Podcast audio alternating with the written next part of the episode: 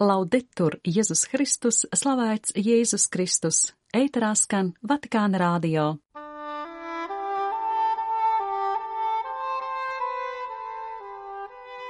Esiet sveicināti, dārgie radio klausītāji!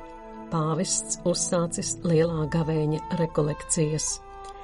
Ieiet iekšējā tuksnesī, lai saklausītu dieva balsi. Franciska uzruna pirms lūkšanas kunga eņģelis. Pāvests aicina lūgties par mieru Āfrikā, Eiropā un Svētajā zemē. Romā atklāts kristiešu un ebreju centrs, tautas rožu kroņa dalībnieku tikšanās Rīgā. 19. februāra raidījumu noklausīties aicina māsa Silvija Krilteža.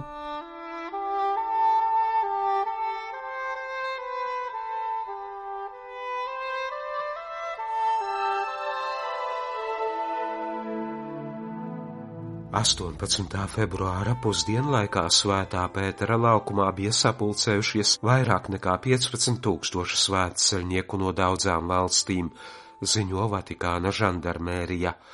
Uzrunā pirms lūkšanas kunga eņģelis pāvests Franciskas skaidroja Marka evaņģēlija fragmentu Jēzus uzturējās tuksnesī 40 dienas un tika sātana kārdināts Viņš dzīvoja kopā ar zvēriem, un eņģeļi viņam kalpoja.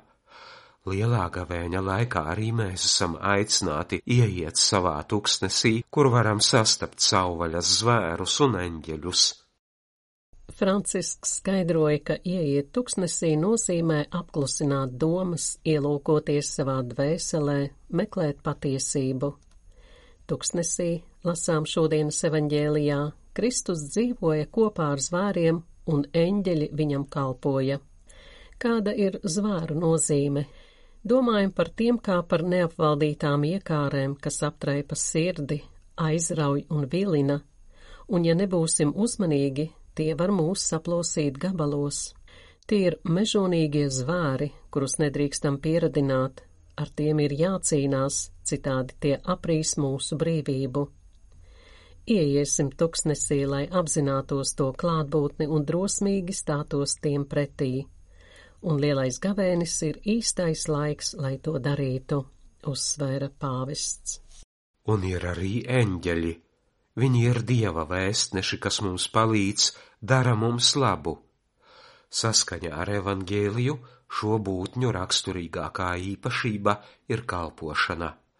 No otras puses, eņģeļi izraisa labas domas un jūtas, ko ierosina svētais gars. Kamēr kārdinājumi mūs šķeļ, dieva labās iedvesmas mūs vieno harmonijā, tās nomierina sirdi, piepilda ar Kristus garšu, piepilda tās ar debesu garšu. Līdz ar to dvēselē atgriežas saskaņa un miers, neatkarīgi no dzīves apstākļiem, gan labvēlīgiem, gan nelabvēlīgiem. Taču arī šeit, lai aptvertu dieva iedvesmotās domas un jūtas, ir jāpaliek klusumā un lūkšanā, un gavēnis ir īstais laiks, lai to darītu. Uzsākot gavēņa svētceļojumu, uzdosim sev dažus jautājumus, aicināja pāvests. Pirmkārt, kādas kaislības, mežonīgie zvēri mostas manā sirdī? Svētais tēvs atzina, ka būtu labi tās atpazīt, nosaukt vārdā, apzināties to sekas. Un vēl viens jautājums, vai es ļauju Dieva balsī uzrunāt savu sirdi, vai es to sargāju, un vai es vēlos ieiet tuksnesī, tas ir atvēlēt vietu klusumam, lūkšanai, adorācijai, Dieva vārda meditācijai. Lai vissvētākā jaunava Marija kura glabāja savā sirdī ikvienu vārdu un neļāva ļaunā kārdinājumiem sevi aizskart, vada un palīdz mums dzīves ceļā, uzrunas noslēgumā sacīja pāvests. Svētdien pēc lūkšanas kungeņģelis pāvests pievērsās bruņotajiem konfliktiem Sudānā, Mozambikā, karam Ukrainā un Svētajā zemē. Viņš atgādināja, ka 18. februāra pēcpusdienā iesāks lielā gavēņa rekolekcijas. Franciskas norādīja, ka jau desmit mēnešus notiek bruņots konflikts Sudānā, kā rezultātā izveidojusies ļoti smaga humanitārā situācija. Es atkal lūdzu karojošās puses apturēt šo karu, kas nodara lielu ļaunumu cilvēkiem un valsts nākotnē, viņš sacīja. Lūksimies, lai drīzumā tiktu atrasti miera risinājumi dārgās Sudānas nākotnes veidošanai. Kad pagājušā gada aprīlī Sudānas galvaspilsētā Hartūmā izcēlās bruņotas sadursmes starp armiju un paramilitāro grupējumu Romas bīskaps atzina, ka ar raizēm seko līdzi notikumiem šajā Āfrikas valstī. Es esmu kopā ar sudāniešu tautu, kas jau ir tik daudz cietusi, un aicinu lūgties, lai tiktu nolikti ieroči un virsroku gūsta dialogs, lai tādā veidā kopā atsāktu miera un saskaņas ceļu, toreiz viņš sacīja. Svētais tēvs arī citas reizes iestājās par mieru Sudānā. Pāvests raizējas arī par situāciju Mozambikā, Cabo Delgado ziemeļu provincē. Šo reģionu jau gadiem ilgi satricina kādas islāmistu grupas vardarbība. 18. februāra pusdienlaikā Francisks sacīja: Vardarbība pret neaizsargātajiem iedzīvotājiem infrastruktūras iznīcināšana un nedrošība atkal pieaug. Viņš pastāstīja, ka pirms dažām dienām Mazēzē tika aizdedzināta Āfrikas diamātes katoļu misiju mītne. Lūksimies, lai šajā nomocītajā reģionā atgrieztos miers, aicināja svētais tēvs, un neaizmirsīsim lielu vairumu citu konfliktu, kuros nosiņo Āfrikas kontinents un daudzas citas vietas pasaulē, arī Eiropā, Palestīna, Ukraina. Uzrunas turpinājumā pāvests atkārtoti uzsvēra. Non dimentichiamo, la guerra sempre è una sconfitta, sempre. Ovunque si combatte le popolazioni sono sfinite, sono stanche della guerra, che come sempre è inutile. Neaizmirsīsim, karš vienmēr ir sakāve. Visur kur notiek cīņas, iedzīvotāji ir izsmelti, viņi ir noguruši no kara, kas kā vienmēr ir bezjēdzīgs un bez rezultātiem, un atnes tikai nāvi, tikai iznīcību un nekad neatrisina problēmas. Tā vietā nenogurstoši lūksimies, jo lūkšana ir efektīva, un izlūksim no kunga tādu prātu un siržu dāvanu, kas konkrētā veidā nododas mieram. Apsveicis Romas ticīgos un dažādu zemju svētceļniekus, Francisks darīja zināmu, ka pēcpusdienā kopā ar kūrijas līdzstrātniekiem sāks lielā gavēņa rekolekcijas. Viņš aicināja kopienas un atsevišķus ticīgos šajā lielā gavēņa laikā, kā arī visa šī sagatavošanās jubilejai gada laikā, kas ir lūkšanas gads, veltīt īpašus brīžus, ko lūkšanā un gara sakopotībā pavadīt kunga klātbūtnē.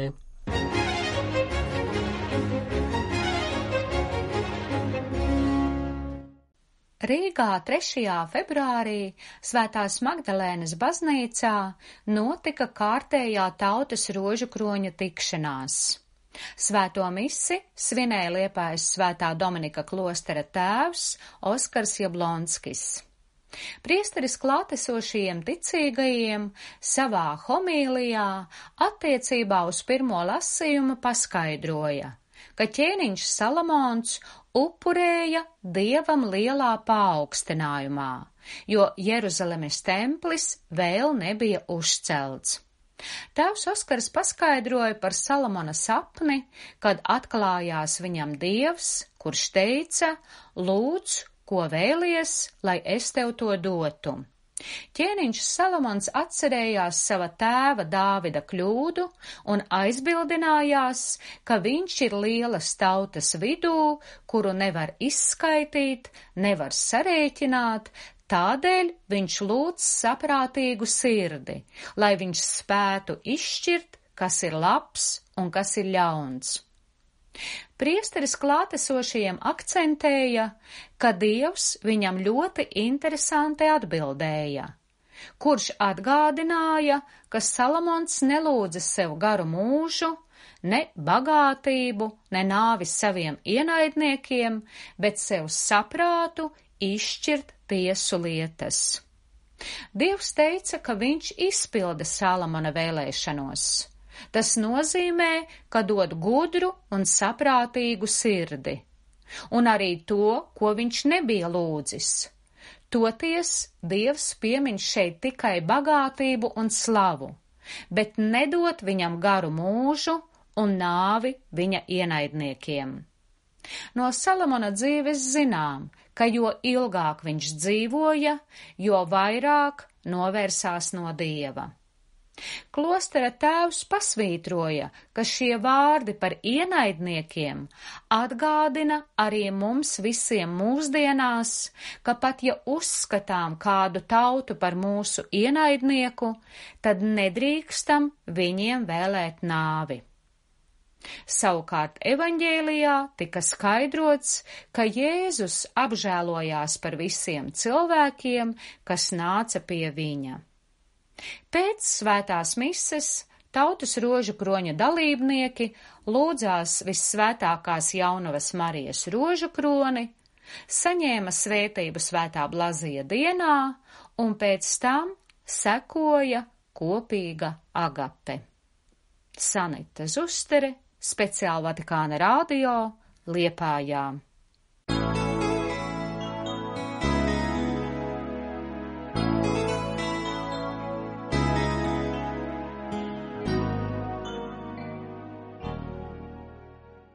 Studiju vieta, kas smelsies no globālās akadēmiskās attīstības un no dažādu, jo īpaši abramītisko reliģiju tradīcijām Šādiem vārdiem 15.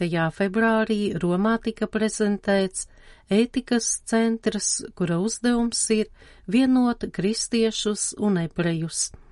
Centrs ir daļa no Īsaka Abarbanela institūta, kas ir afiliēts ar Maršala Meijera rabīnu semināru Buenos Airesā. Ar šo mācību iestādi sadarbojas Pontifikālās dzīvības akadēmijas prezidents arhibīskaps Vincenzo Paļja. Viņš piedalījās jaunā centra izveidošanas procesā un ierosināja par tā atrašanās vietu izvēlēties Romu. Centra dibinātājs ir Maršala Meijera rabīnu semināra rektors Rabīns Ariels Stofenmachers. Ētikas centra galvenais mērķis ir attīstīt izglītības un pētniecības programmas ētikas jomā, izaudzināt korektus līderus, veicināt vērtības gan sabiedriskajā, gan privātajā sfērā un darboties konkrēta ētikas pielietojuma labā. Centra prezentācijas ceremonijā tika skarts jautājums par mākslīgo intelektu. Rabīns Analija Borts, kas ir galvenā figūra bioētikas komiteju izveidošanā Čilē un Atlantas bērnu slimnīcā ASV, izcēla ētikas vērtību katra cilvēka dzīvē. Viņš citēja psalmu fragmentus, kur tiek vestīts par cilvēku un viņa vajadzību pēc dieva visās dzīves fāzēs. Mākslīgais intelekts ir mūsu sabiedrības izaicinājums. Tas ir viens no iemesliem, kāpēc tika izveidots ētikas centrs, viņš teica. Savukārt argentīniešu ārsts un politiķis Klaudio Regadzoni, kurš arī ir jaunā centra dibinātāju vidū, uzsvēra, ka līdz šim cilvēkam bija vara pār mašīnām taču līdz ar mākslīgo intelektu un algoritmiem lietas varētu mainīties. Arhibīskaps Vincenzo Pāļa citēja pāvesta Franciska apgalvojumu, ka mēs nedzīvojam pārmaiņu laikmetā, bet gan laikmeta pārmaiņās. Tas ir iemesls, paskaidroja arhibīskaps, kāpēc ir svarīgs šāds centrs. Pie tam ir nepieciešams brālīgums starp reliģijām, zinātniekiem un visām cilvēciskajām būtnēm, piebilda Pontifikālās dzīvības akadēmijas prezidents.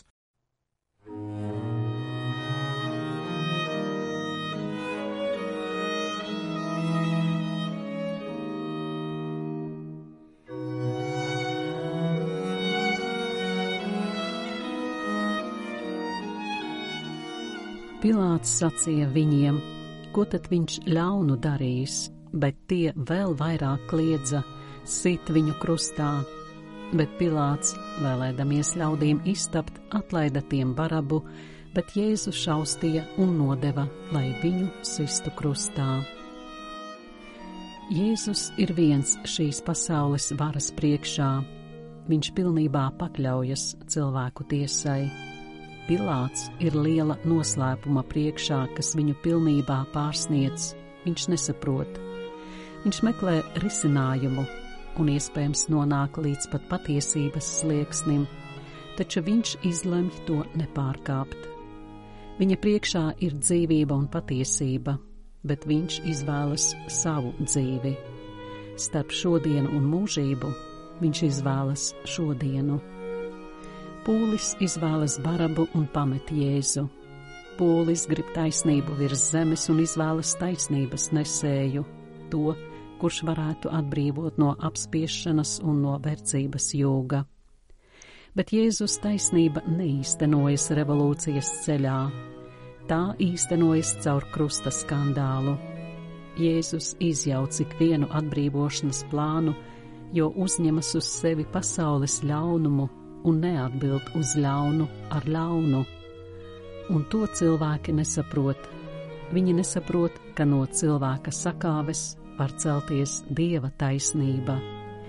Katrs no mums šodien ir daļa no šī pūļa, kas kliedz sit viņu krustā. Neviens nevar justies kā izņēmums. Pūli un pilātu patiešām virza kāda iekšēja sajūta, kas skar visus cilvēkus bailes.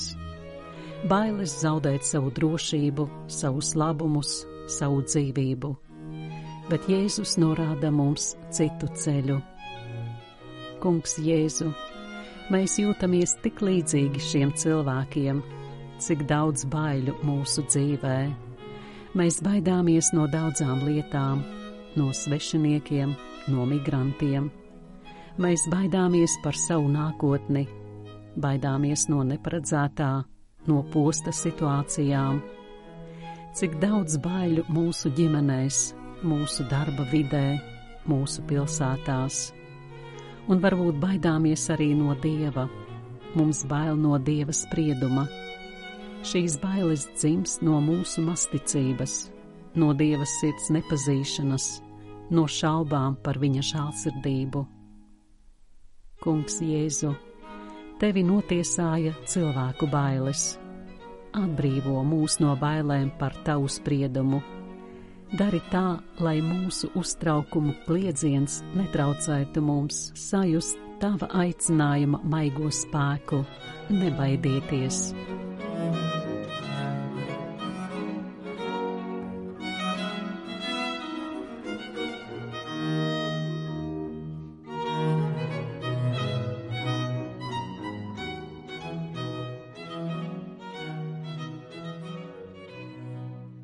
Mūsu tikšanās laiks ēterā ir aizritējis. Mīļš paldies, ka bijāt kopā ar mums. Vēlot, lai katrā dzīves notikumā, savā sirdī, savā ģimenē mēs būtu vienmēr kopā ar Jēzu, no jums atvadāmies. Slavēts Jēzus Kristus, laudetur Jēzus Kristus!